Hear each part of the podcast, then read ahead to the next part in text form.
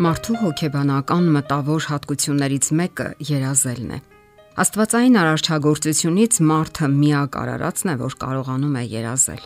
Նա կարողանում է մտածել ապագայի մասին, տեսնել այդ ապագան հոգու աչքերով, որովհետև այդպիսին է արարել նրան Աստված ապագան տեսնելու, երազելու եւ դրան հասնելու համար ջանքեր գործադրելու հատկությամբ։ Մարդը բոլոր դարերում էլ երազել է լավագույնի մասին երազել է լավագույն հասարակարգի մասին, պայքարել դրա համար։ Միլիոնավոր մարդիկ էին երազում կոմունիզմի մասին։ Նրանք անկեղծորեն հավատում էին, որ գալու է այն ժամանակը, երբ ամեն մարդ ստանալու է ամեն ինչ իր պահանջմունքների համապատասխան, ունենալու է իր սրտի ուզածը։ Սակայն ժամանակը ցույց տվեց, որ միայն երազելը քիչ է, որ կառուցել դրախտ առանց Աստծո եւ Աստվածային տեսիլքների պարզապես անհնար է որ հարկավոր է ունենալ այն երազանքները եւ ապագայի տեսլականը, որը միայն առաջարկում է Աստված։ Այսօր տարերային աղետները անհավատալի չափերի են հասել։ Բռնությունները, սպանություններն ու պատերազմները մոլեգնում են շուրջ բոլորը։ Ապագան անհույս է։ Թվում է, թե իդերև են ելնում մարդկային բոլոր լավագույն երազանքներն ու հույսերը։ Սակայն հենց այդ խավարի համընդհանուր խառնաշփոթության մեջ հնչում են Հիսուսի աստվածային խոստումները, Ձեր սրտերը թող չխռովեն։ Աստծուն հավատացեք եւ ինձ հավատացեք։ Իմ հոր տանը շատ բնակարաններ կան, ապա թե ոչ ես ձեզ կասեի. Գնում եմ ձեզ համար տեղ պատրաստելու։ Եվ եթե գնամ եւ ձեզ համար տեղ պատրաստեմ, դարձյալ կգամ եւ ձեզ ինձ մոտ կառնեմ, որ ուր որ ես եմ, դուք էլ լինեք։ Արդեն 2000 տարի այս խոսքերը հույս են ոցավառում քրիստոնյաների սրտերում։ Նրանք սպասում են, Սպասում են իրենց տիրոջ եւ փրկչի վերադարձին։ Սպասում են, սպասում են, չնայած համընդհանուր խավարին եւ հոգեվոր ֆիզիկական խառնաշփոթությանը։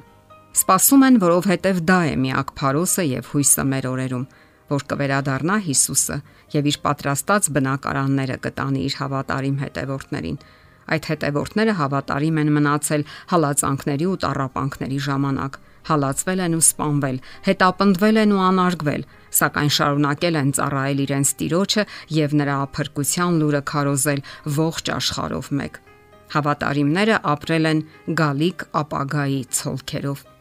Հավատացել են Աստծո պատրաստած քաղաքի եւ հավիտենական կյանքի խոստմանն ու գոյությանը քաղաք, որի քարերը դասավորված են այնպիսի հաջորդականությամբ, որ գույները հիշեցնում են Աստծո գահը շրջապատող ծիածանին։ Հետաքրքիր է նաև, որ Աստվածաշնչում նշվում է Նոր Երուսաղեմի չափերը։ Հաշվելով դրանք հետաքրքիր տվյալներ են ստացվում։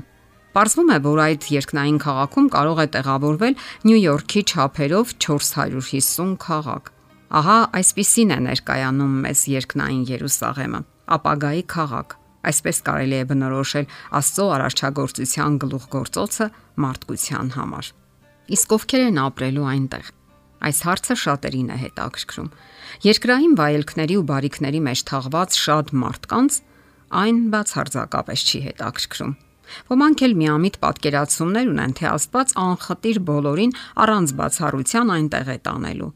Երբ մարդը մահանում է, անկախ նրանից հավատում է թե ոչ, անկախ այն բանից բարի մարդ է եղել թե չար, ասում են, որ նա գնում է դրախտ։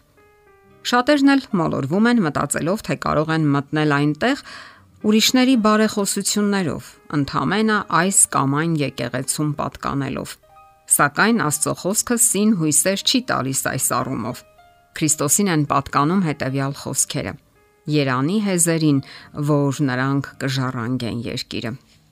Հիսուսի խոսքերը պետք է մտորումների տեղիք տան եւ զգաստացնեն մարդկանց։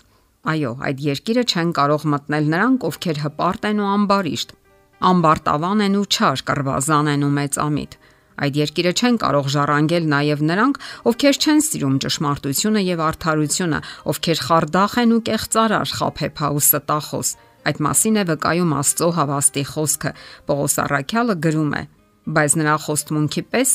նոր երկնքի եւ նոր երկրի ենք սպասում, որի մեջ արդարություն է բնակվում։ Այլ չափանիշ քան ազնվությունն ու արդարամտությունը, ճշմարտությունը սիրելը եւ նրան հետևելը գոյություն չունի։ Ինչպես ենք մտնելու այդ երկիրը։ Այս հարցը եւս դարեդար հետաքրքրել է մարդկանց։ Շատերն այն կարծիքին են, որ փրկվածներն այնտեղ են լինելու աննյութեղեն մարմիններով, ինչպես հեքիաթային փերիներ, որոնք բմբուլների նման թրջելու են այս ու այն կողմ։ Նմանօրինակ պատկերացումները գալիս են հեթանոսական հավատալիքներից, հունահռոմեական դիցաբանությունից եւ պարզապես մարդկային վառ երևակայությունից, սակայն ոչ աստվածաշնչից։ Պողոս Արաքյալը գրում է. Կնորոքի մեր խոնար մարմինը եւ իր փառավոր մարմնին կերպարանակից կլինի այն զորությունով, որ կարող է ամեն բան հնազանդեցնել իրեն։ Իսկ Եսայա մարգարեն այսպես է նկարագրում այդ հրաշալի վերափոխումը. Այն ժամանակ բացվելու են գույրերի աչքերը եւ խուլերի ականջները պիտի բացվեն։ Այն ժամանակ լոք է տալու կաղը եղջերուի պես եւ համրի լեզուն օշներգելու է, որովհետեւ անապատում ջրեր են բխելու եւ ամայի տեղում առուներ։ Ապագան իսկապես հրաշալի է։